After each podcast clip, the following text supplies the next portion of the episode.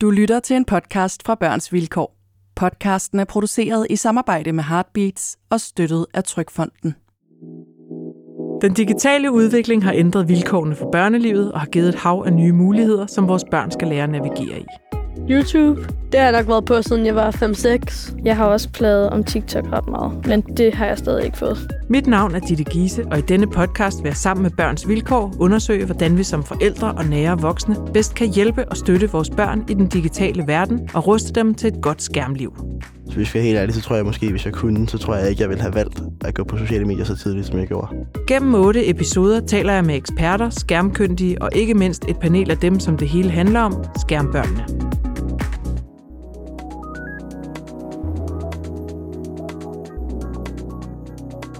YouTube, Snapchat, TikTok, Instagram, Steam, WhatsApp, Twitch, Pinterest, Messenger, Reddit, Momio.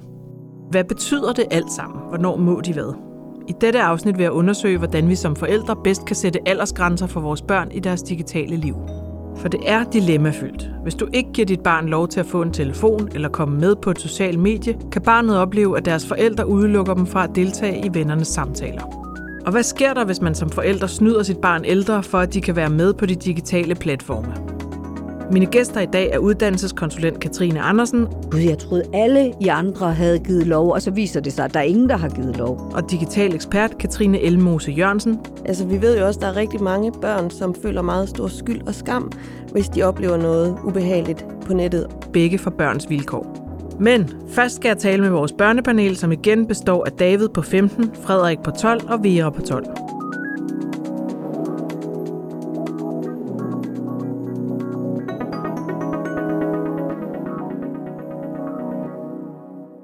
Jeg synes sådan der, tit, at, sådan, at der er ret mange aldersgrænser, som der sådan overdriver lidt sådan nogle ting med for eksempel bare også sådan spil. Ja. Sådan, hvis nu der er en lille smule blod med i, så bliver den sat til sådan 18 plus eller sådan noget.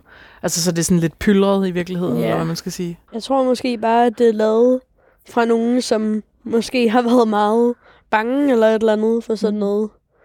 Og så har de tænkt, at det skal være 16 plus. Just in case. Ja. David, da du kom på Instagram som øh, 7-8-årig, var der meget, der kom, altså som du måske var lidt for lille til, eller oplevede du noget af sådan noget? Jeg tror, indflydelsen af at se, altså når man er på Instagram, og man bare sidder og scroller, så er det jo for det meste alverdens ting, der kan komme frem. Ja. Øhm, sådan noget med for eksempel krigen i Ukraine, eller ja. krig andre steder i verden, eller nogle, nogle rimelig sådan der grafisk voldsomme ting, som Mm. måske ikke, altså, det kan, det kan måske godt gøre, gøre nogen lidt bange og tænke, få måske nogle, nogle dystre tanker om, hvordan altså, vores samfund er, øhm, helt klart. Og så sådan noget med ja, at møde de her ja, mennesker, som der måske ikke rigtig har så meget kontrol over, hvad de selv siger på nettet. Øhm, tror jeg måske kan være, være, en, være en grund til, at, man, ligesom, at man skal være lidt ældre for at komme på de her sociale medier. Ja. Jeg tror meget hurtigt, jeg har lært at, at adskille fra, hvad der var min verden, Mm. altså den, den rigtige verden, Ja. til at være, hvad, hvad jeg ser på, på internettet, Okay. og hvad jeg hører. Men du fordi at- forstår alligevel godt aldersgrænser, at der er 100% nu gør jeg. lidt en pointe med det. Jeg tror, da jeg var på Frederiks alder og, Ja. og Veras alder, så, så tror jeg også, jeg synes, det var sådan lidt Irriterende ånds, mest. åndssvagt på, ja. på en måde.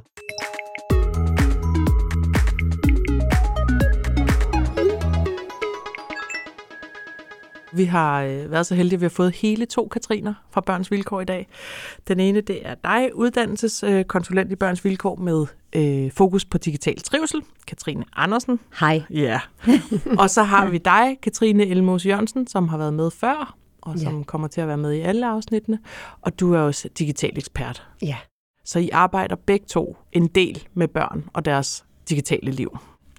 Og i dag der skal vi tale meget sådan om aldersgrænser og hvornår man er klar til hvad for noget indhold på, øh, på nettet. Og det er jo nok især sådan med fokus på mobiltelefoner. Hvornår kan man slippe sine børn løs, og hvornår skal man øh, sidde og kigge efter i deres telefon, om, om de laver noget, de ikke må. Ja. Så lad mig prøve at starte med sådan et øh, overordnet øh, spørgsmål til jer om, hvornår er man egentlig klar til at få en smartphone, tænker I? Det er ikke fordi, at vi synes, der er sådan en bestemt alder, hvor man skal have en telefon. Eller... Der er ikke et klassetrin, man kan pejle efter. Nej, man må se på det enkelte barn. Er det et barn, som måske bor langt væk fra sine venner, eller øh, er forældrene blevet skilt, eller øh, er der noget andet, der gør, at, at man måske har meget brug for at være lidt ekstra i kontakt med venner eller familie. Øhm, det kan også være, at, at der er rigtig mange andre i klassen, der har fået en telefon, og så ved vi jo, at det ligesom er en adgangsbillet til nogle digitale fællesskaber, som de fleste børn i hvert fald rigtig gerne vil være en del af. Mm. Der er jo forældre, der vælger øh, at gå udenom smartphones til en start øh, og sige, at hvis det handler om, at man skal have muligheden for at kunne ringe, øh, når man går alene hjem fra fritten eller noget andet, jamen så, øh, så kan man jo fint gøre det på en... En, en ikke-smartphone. En ikke-smart ja. Hvad hedder telefon. sådan en egentlig? Ja, det ved det, det en er gammeldags telefon. En, en helt gammeldags telefon, hvor man kan spille Snake og Hvis nogen og har gemt deres gamle Nokia, så ja, kan man starte præcis. med den. Ja. ja, og man kan faktisk også stadigvæk købe dem fra ny, mm. den der slags telefoner. Og så, så tror jeg også, at det har rigtig meget at sige, at man overvejer, at når man så skal have en smartphone, jamen så er der jo mange grader af at have en smartphone, fordi en smartphone er jo ingenting i sig selv, før du downloader din første app. Og så det handler rigtig meget om, hvad det er for nogle apps, du skal have lov til at have på, på din smartphone, og hvilke indstillinger mm. de apps så skal have.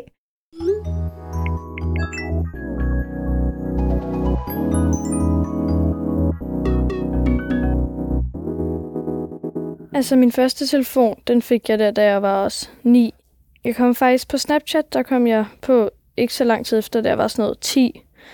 Og så har jeg bare brugt det virkelig meget, og også YouTube mm. og sådan noget. Og så var det, ja, lige før jeg blev 12 eller sådan noget, eller da jeg var blevet 12, at jeg fik Instagram. Men det var også fordi, at jeg havde sådan, at jeg havde virkelig plaget om det længe, fordi det var sådan noget, faktisk Instagram, det var sådan noget, som de fleste fik ret tidligt i min klasse. Og så, dine forældre var lidt ja. imod og prøvede at trække den, eller ja. hvad? Ja. Så du var virkelig plaget, indtil mm. de til sidst gav op. Ja. Jeg har også plaget om TikTok ret meget, men det har jeg stadig ikke fået. Faktisk viser en ny spørgeskemaundersøgelse fra Børns Vilkår og Trykfonden, at hele 99 procent af alle elever i 5. og 8. klasse angiver, at de er på sociale medier, og de fleste er på hver dag. Forskning viser også, at elever i 8. klasse typisk er på syv forskellige sociale medier og bruger fire af dem dagligt. Elever i 5. klasse bruger typisk fire forskellige sociale medier og er på halvdelen af dem dagligt. Det er på trods af, at elever i 5. klasse ofte er yngre end sociale mediers aldersgrænse, som i de fleste tilfælde er på 13 år. Jeg kan huske, at, øh, at mit eget barn, han fik sin, altså det eneste, han ønskede sig, da han blev ni, det var en telefon, og der fik han så min aflagte. Og det handlede jo meget om frihed. Det handlede om, at han ville begynde selv at tage i skole, og at han øh, gerne ville øh, have den der, eller jeg også gerne ville have den oplevelse af, at han ikke kunne blive væk. Altså, så den var meget sådan en, det var en frihedsadgang for ham, at han kunne færdes rundt i byen alene. Og i starten, der var den jo, altså den kunne ligge i flere dage og være død for strøm, uden han opdagede det. Han var ikke i kontakt med nogen der. Og så sker der jo langsomt sådan en skift med, at den bliver til noget underholdning. Mm. Og så sidder den altså lige pludselig meget fast i den hånd der, ikke? Øh, og der bliver stirret meget inde i den. Øh, og jeg har lidt på sådan en fornemmelse, at det, sådan, det på en måde sådan ændrer øh, ens barndom. Og det synes, jeg har, det synes jeg er lidt svært at navigere i, fordi den er jo bare nede i lommen hele tiden, eller i hånden. Mm. Det er de to steder, den er nu, ikke?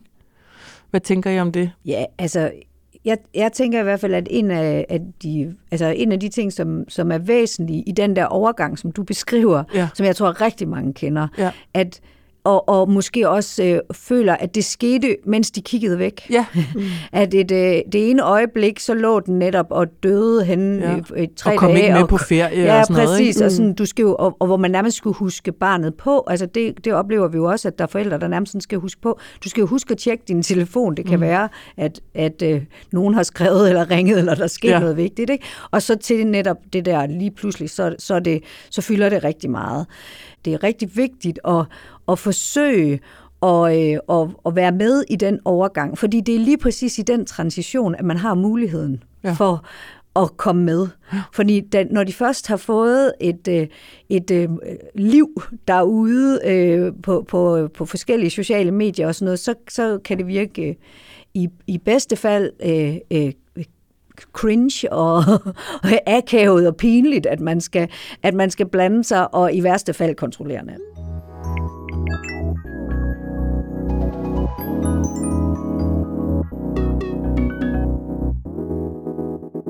Ja, jeg kom jo på Instagram, jeg var, da jeg så nok været 8 år. Og jeg, jeg ved egentlig ikke. Jeg tror, at der var ikke rigtig nogen grund til det. Det var ligesom bare, det skete bare i takt med, at jeg fik en telefon. Mm.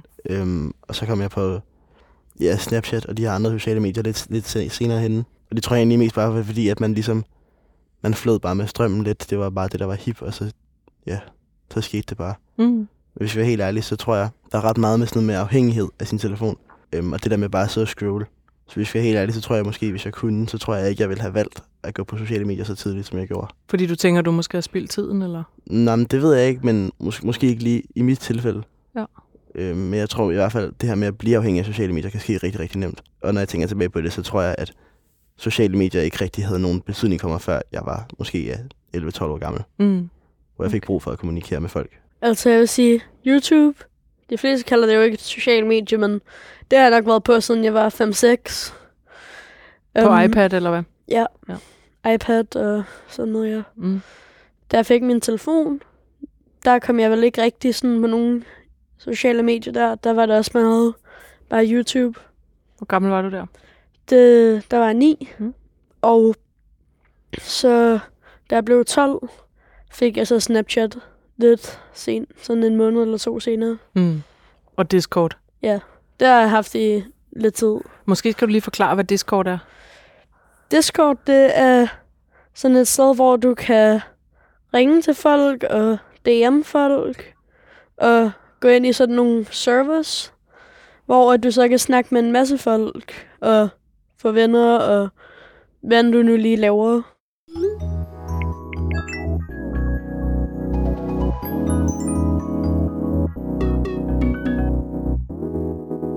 Man er hjemme og besøger bedsteforældre, og så spiser man måske et måltid sammen, og så går barnet ind og sætter sig i en, i en sofa og kigger på YouTube eller sådan noget på telefonen. Ikke? Altså, der melder de sig jo på en måde lidt ud af fællesskabet og ind i telefonen. Og det kan både være sovende for bedsteforældrene, eller hvem det nu er, man, besti- man besøger, men det kan også Mm. være sådan lidt bekymrende som forældre, man er sådan, hvorfor vil du ikke sidde og snakke med os? Altså, Mm. hvorfor er det der mere vigtigt?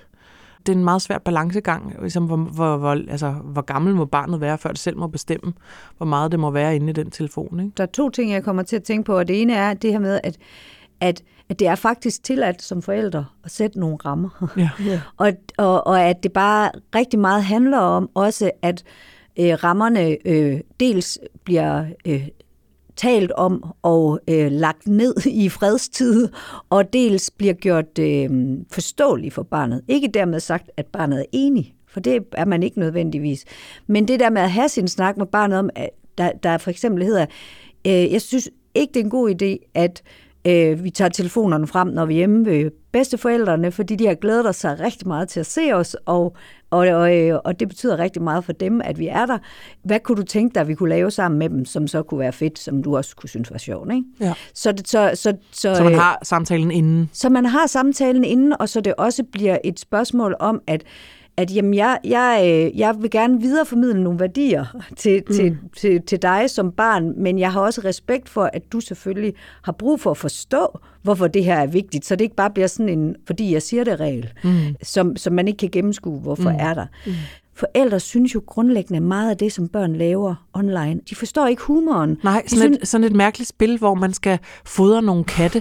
Præcis. Øh, man skal, står sådan og trykker og trykker ja. og fodrer nogle katte, og man er sådan, altså hvorfor bruger du tid på det? Jeg forstår det, det. det simpelthen ikke. Hvad er det sjove ved det? Og, det, og, og der, er- der, der bliver man også nødt til at stille nogle krav til sig selv som øh, forældre, hvis man er øh, man har sikkert prøvet det som forældre til et mindre, da man var forældre til et mindre barn. Det er de færreste forældre, der er selvfølgelig nogen, men de færreste forældre, der synes, det er mega sjovt at ligge ned på gulvet og lege med dinosaurer. Mm. Altså man gør det jo, fordi man ved, at det er betydningsfuldt for ens barn, og, og det er en måde at være sammen på og interagere på, men det er jo ikke sådan, fordi man selv får det vilde kig ud af det. Nej. Og det er lidt den samme tænkning, man skal have her, og sige, så går man i øjnehøjde med det, som bar- barnet er optaget af, og prøver at lægge sine, sine egne øh, øjne, vendte øjne og øh, rynkede bryn væk, og sige, men, men, men jeg er interesseret i det, fordi det betyder noget for dig.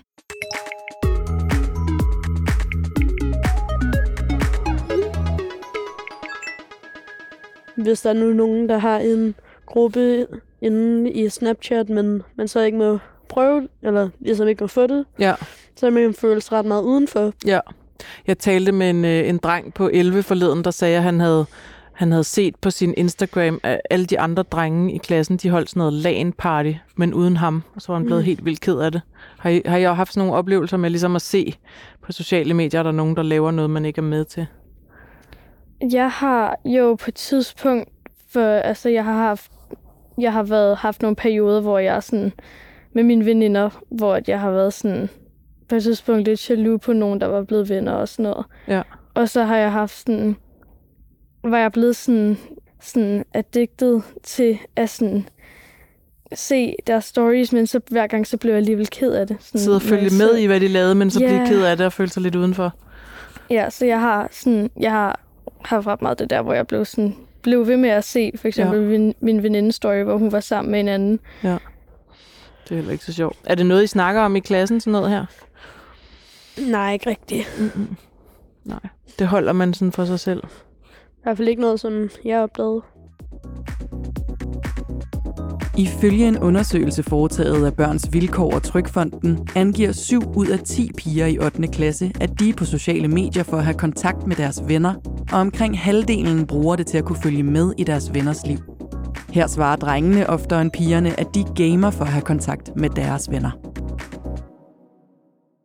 Jeg kunne godt tænke mig også at spørge om altså, sådan noget med privatliv, om der er en alder, hvor at, at ens børn skal lov at have et privatliv på den telefon.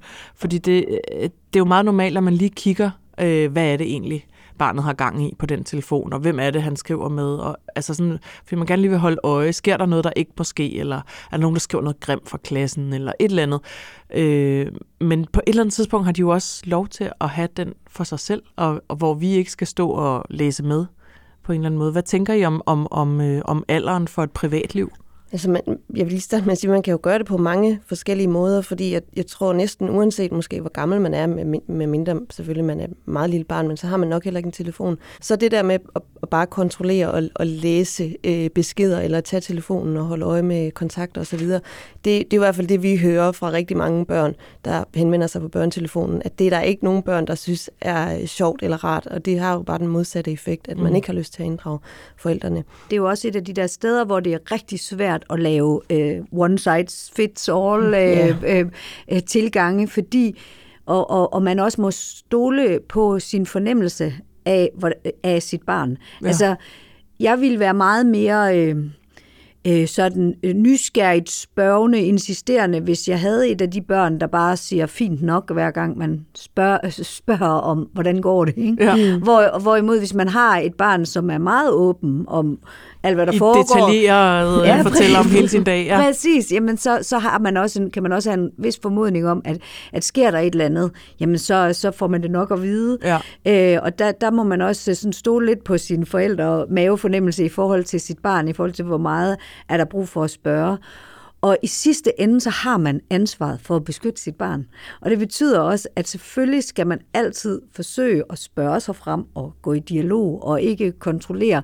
Men hvis man har en konkret bekymring, altså er man bekymret for, at ens barn er udsat for grooming, eller mm. er udsat for, for, for noget voldsomt øh, online, eller bliver presset på en eller anden måde, men så bliver man også nødt til at, at, at reagere på det som Ja. ja. forældre. Øh, også selvom at man, man kan risikere, at ens barn bliver rigtig frustreret over det. Ja. Øhm, Ja, noget jeg også lige tænkte på i den forbindelse, nu nævnte du grooming, Katrine, at altså, vi ved jo også, at der er rigtig mange børn, som føler meget stor skyld og skam, hvis de oplever noget ubehageligt på nettet, og det er det, der gør, at de ikke altid tager kontakt til deres forældre. Mm. Så en måde ligesom at omgås det på, det kan jo også netop være, at man for, fortæller om, at man har læst, at andre børn har oplevet øh, at blive afpresset, øh, eller at blive, at blive presset til at sende nogle nøgenbilleder for eksempel, øh, for ligesom at ikke normalisere, at det sker, men, men, men øh, i hvert fald gør det tydeligt, at det ikke er barnets skyld, og mm. at man faktisk kan anmelde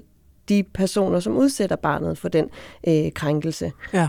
Altså det kan være sådan en indirekte måde ligesom at, gå til- at gå til det på, Ja. fordi det tænker der er et stort behov for i hvert fald, at den øh, skyld og skam, den bliver flyttet væk fra, fra børnene. Ja. Øhm, Og noget af det handler vel også om, at mange af de platforme, de er på på nettet, er lavet til voksne. Ja. Altså, og at, at øh, børn på en eller anden måde lidt snyder sig ind.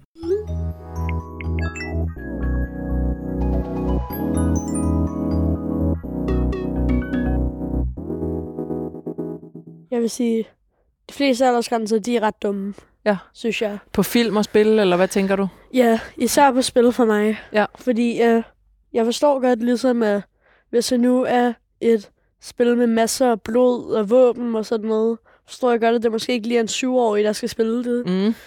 Men jeg synes, hvis man nu har sådan et spil, der så er rigtig sjovt, men så er 18 plus, så er man lige til at lyve om det, og så skal man spørge forældre og alt muligt, bare for Ja. at få et spil. Er der mange ting, du gerne vil, som er til noget, noget Ja. ældre end 12? Som Det vil er? jeg sige, det er der. Okay. Og så øhm, ærligt talt, så lyver jeg tit om min alder Ja. om det. Vil jeg lade mig lige høre, hvornår, hvornår kom du på Instagram? Det var lige da jeg blev 12. Okay. Men det er også fordi, at inde i App Store, der står at man skal være 12. Og så, Okay. når man søger på det, så siger de 13. Synes du, det er sjovt, Instagram? Ja, altså jeg bruger det ret meget. Ja. Ja. Sådan hver dag. Hvad, hvad for nogle typer følger du?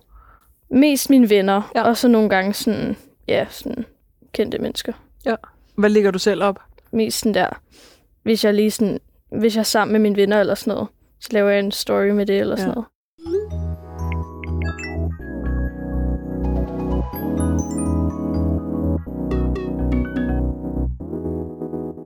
Hvis vi skal tale lidt om aldersgrænser i forhold til det, så er øh, alle de sociale medier, det hedder jo 13 år. Ja. Men der er jo børn helt ned til øh, 6-7 år, der er på dem. Hvad tænker I om det her med, øh, at man, øh, at man måske som forældre, måske er det bare noget, barnet selv gør, men at man sådan snyder dem ind for ungt, eller hvad man skal sige?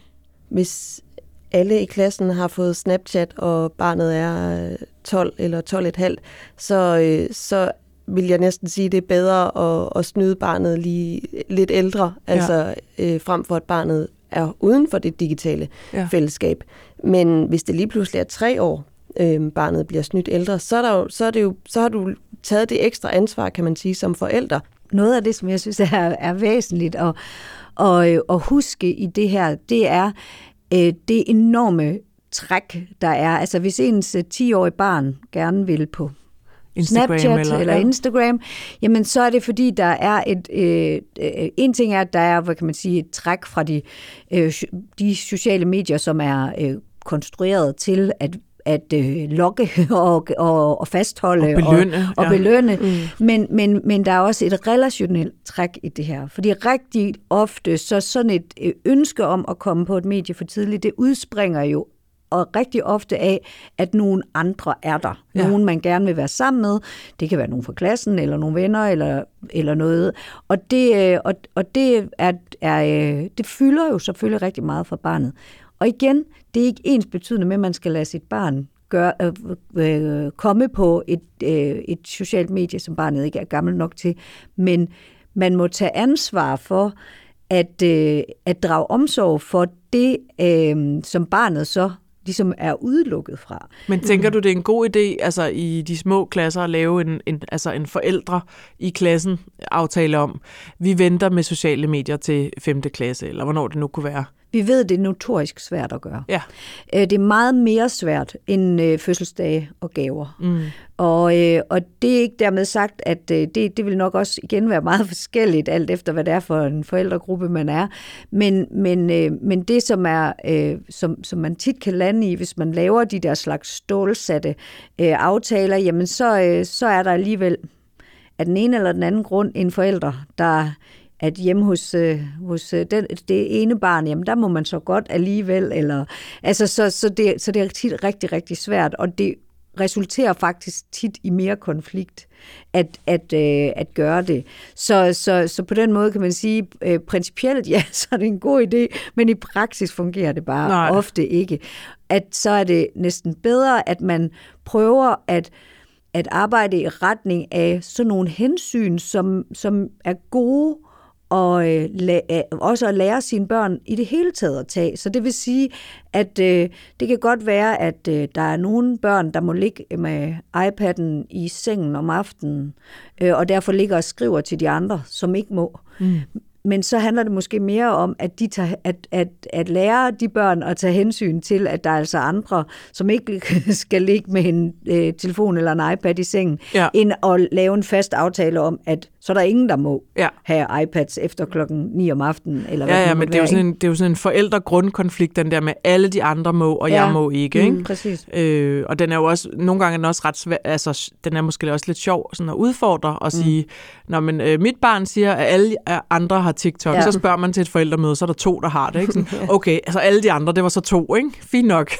Lige præcis. Gud, jeg troede, alle I andre ja. havde givet lov, og så viser det sig, at der er ingen, der har givet lov. Man skal jo også tage det alvorligt, for de siger det jo også, fordi at de tænker, at så får de et ønske opfyldt. Altså, og, Ja. og det er jo fordi, det er et virkelig reelt ønske så Mm. at komme på det digitale medie. Så det er jo også fordi, der er nogle børn, der oplever, at de måske ikke bliver set i det behov, eller at forældrene ikke anerkender, hvor betydningsfuldt det i virkeligheden er Ja. at komme på TikTok, når alle de andre, alle de andre i kurseøjne, ja. øhm, måske to andre er det, men det kan være, at det, det er ens to bedste venner, der er på TikTok.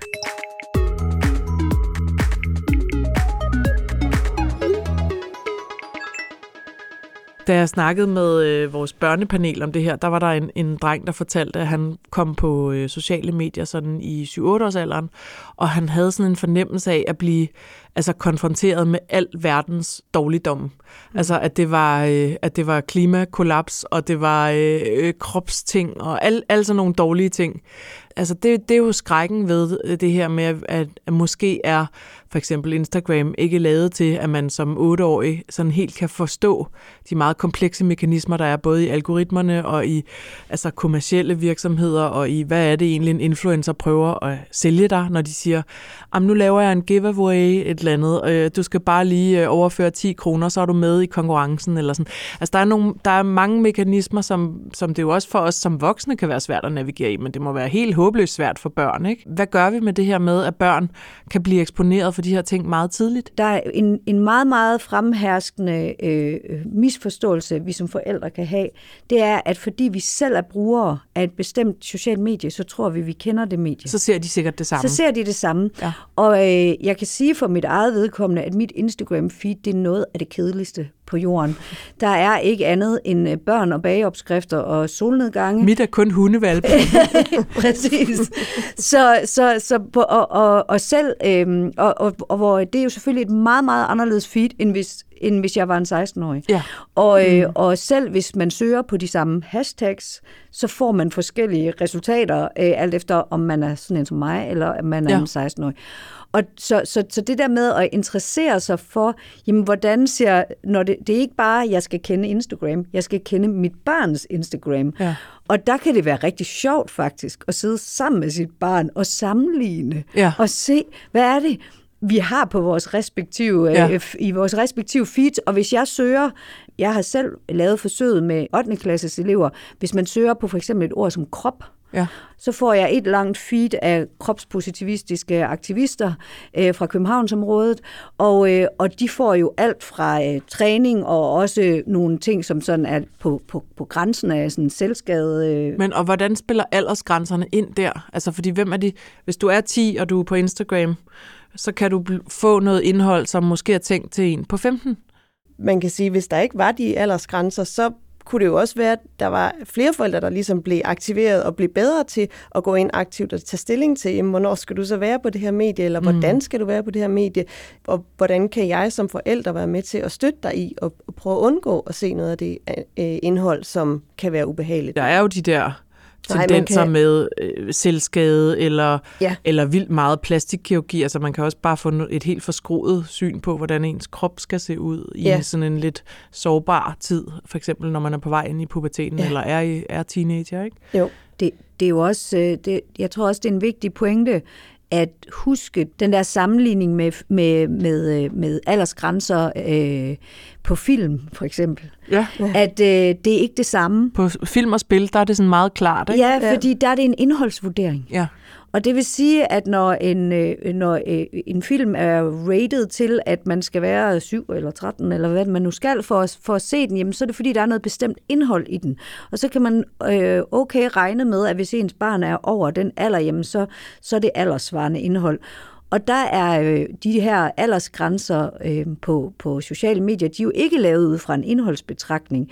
De er lavet ud fra noget lovgivning, noget politisk pres, som også rigtig meget handler om, at der bliver høstet en masse data, og hvor små børn kan man tillade sig at høste data fra. Jeg havde en sjov oplevelse her. Jeg var ude at spise med nogle øh, venner, og så sad jeg ligesom mellem en pige på 10 og en øh, dreng på 11, mm. og de sad begge to og kiggede, øh, fordi de fik lov lige at være lidt på skærmen, mens vi ventede på maden. Og så øh, sad jeg og kiggede med i deres feed på øh, YouTube, og det var så sjovt at se, apropos det der med algoritmer, hvor forskelligt deres indhold var. Altså pigen, hun havde, det, alt var lyserødt og, mm. og pastel. Ja. Ja. Og det var alt sammen noget med perleplader og modellervoks ja. og kager og hårfrisyr og neglelak. Ja. Alt sådan noget. Og drengen, det var alt sammen sådan nogle mørke farver med skydespil og øh, nogen, der falder på et skateboard, øh, ja. sådan nogle jokes, memes, men alt sammen, det var sådan et, et mere dystert univers. Ja. Og de var jo egentlig næsten jævnaldrende. Det var ret sjovt at se, ligesom, øh, ja. det må jo være algoritmen, ja. der ligesom ja. tænker, piger skal have det her nuttede noget, ja. og, og drengene skal have noget, der er, sådan, er meget hårdt og, ja. og, og sådan, øh, taber ind i nogle skydespil. Ikke? Ja. Jo, for eksempel på TikTok, som er jo klart den mest forfinede af de der algoritmer, der kan man lave sådan et lidt sjovt forsøg. Hvis man for eksempel siger, nu leger jeg, at jeg er en, der er vildt interesseret i øh, hunde og øh, øh, et eller andet spil, skydespil for eksempel. Ja. Og så, øh, så giver jeg mig selv 10 minutter, hvor jeg scroller som den person. Ja. Og så er mit feed allerede ændret fuldstændigt. Ja. Okay, det tager ikke mere end 10 mm-hmm. minutter. Det vil sige, at jeg kunne tage mit barns telefon, og så kunne jeg gå ind og like en masse lyserøde øh, og hyggelige ting, ja. og så vil hans skydespil være væk for evigt. I 10 minutter ville de så være væk, ja. indtil han så selv havde søgt noget andet. Ja, jeg skal ja. heller ikke bestemme, hvad jeg kigger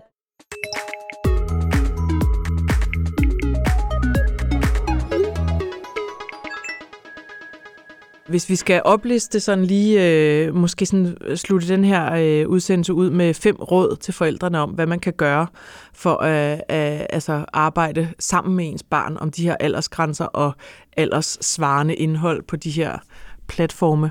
Hvad kunne det så være? Vi kunne i hvert fald sige det her med at altså, sætte sig ned, når barnet enten har en app allerede, eller skal downloade en ny app, øhm, og så tale om, vi har i den rapport, som vi øh, udgav her 2. marts, øh, der har vi lavet faktisk en, en oversigt over, hvad kan man tale med sit barn om, så det ikke bare bliver sådan, at man, at man spørger ind til, hvad appen indeholder.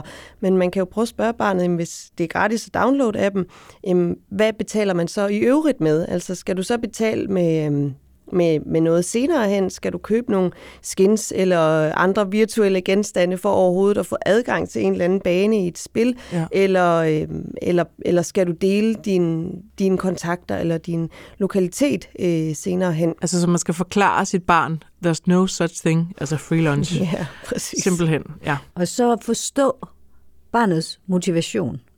Det synes jeg er et virkelig vigtigt øh, råd. Det er ikke det ja. samme som at man skal følge alt det, barnet gerne vil.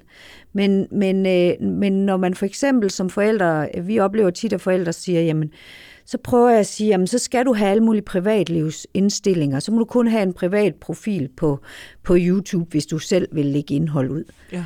Men når hele mediet er, er lavet til, at jo mere interaktion du får, altså det handler om at få interaktion på sit indhold, og man får ikke noget interaktion på sit indhold, hvis man har en privat profil, som ens øh, mormor og to bedste venner kan se. så, så der er så meget motivation i at gøre det så offentligt som muligt, og give så meget data som muligt osv. Det er ikke ens betydende med, at barnet skal have lov til det, men det, men det er bare rigtig vigtigt, at man forstår, hvordan det her ser ud øh, fra, fra barnets side, og hjælper barnet med at forstå, hvorfor det er, man så sætter nogle rammer op. Okay. Det var to tips. Gode tips. Hvad, øh, hvad kunne man ellers gøre? Så var der det her med at sætte sig ned og kigge på det feed. Mm. Altså se, hvad er det egentlig, og, og, og ikke ikke tænke, at du får, det, du får serveret det samme som mig. Du får også bare kageopskrifter og hundevalpe. Ja. Men måske lige se på, hvad det er, mm. de egentlig kigger på, og så ja. snakke om det. Ja, og så også prøve, det kunne så være et fjerde øh, råd, at, at starte samtalen ved at at bringe nogle generelle eksempler ind øh, i samtalen og, og sige, at man, man har hørt om øh, et andet barn, som måske har oplevet noget, der var ubehageligt eller mm. ikke var så sjovt, eller hvor alt det, der kom op i vedkommendes feed, det handlede om, om krig eller jordskæld eller noget andet. Øh, for, for at almen gøre de der oplevelser lidt mere, så, så man forhåbentlig kan være med til at flytte den, den skyld og den skam, som, som mange børn desværre oplever, Ja. hvis, de, hvis de ser noget Og- ubehageligt. og pakke sin, øh, sine øh, lettere moraliserende holdninger til, hvad der er øh, godt og dårligt, og bruge sin tid på lidt væk. Ja. Og prøve at øh, og, øh, og, og interessere sig for, at, øh, at det synes ens barn altså er sjovt.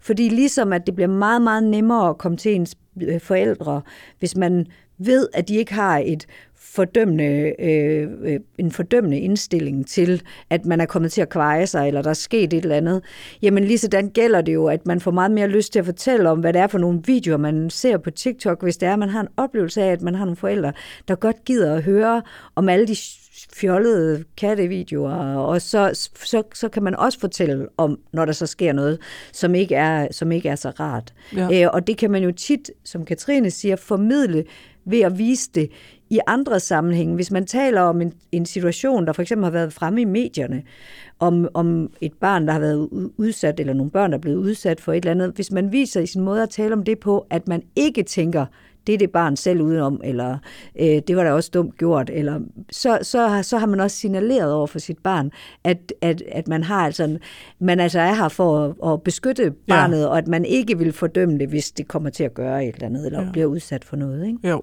så tillid til, at, øh, at de også kan komme, hvis der er noget, der er dårligt. Mm. Ja. Og så lige mit sidste spørgsmål til sidst, det var, synes I, at man som forældre skal overholde de der aldersgrænser, der er? Altså skal man sådan ligesom gå slavisk efter dem, eller skal man prøve at navigere i det selv? Man skal i hvert fald være rigtig, rigtig opmærksom på, hvad det er, man gør, hvis man lader være. Ja. Ja. Det er vist det tætteste på et klart svar. Ja, og man skal også være opmærksom på, synes jeg, hvad det er, man gør, hvis man følger dem til Ja. punkt og prikke. Ja, for man kan jo også komme til at udelukke dem fra noget rigtig meget, rigtig meget sjov og, øh, og social aktivitet ved Ja, at præcis. stå på sit og sige, det må du ikke. Ja. Katrine og Katrine fra Børns Vilkår, jeg vil gerne sige tak for, at I var her og dele jeres viden øh, og gøre mig mindre bekymret som forældre. Ja, selv tak. det er en god evne at have, Det var en fornøjelse. Ja, det var så.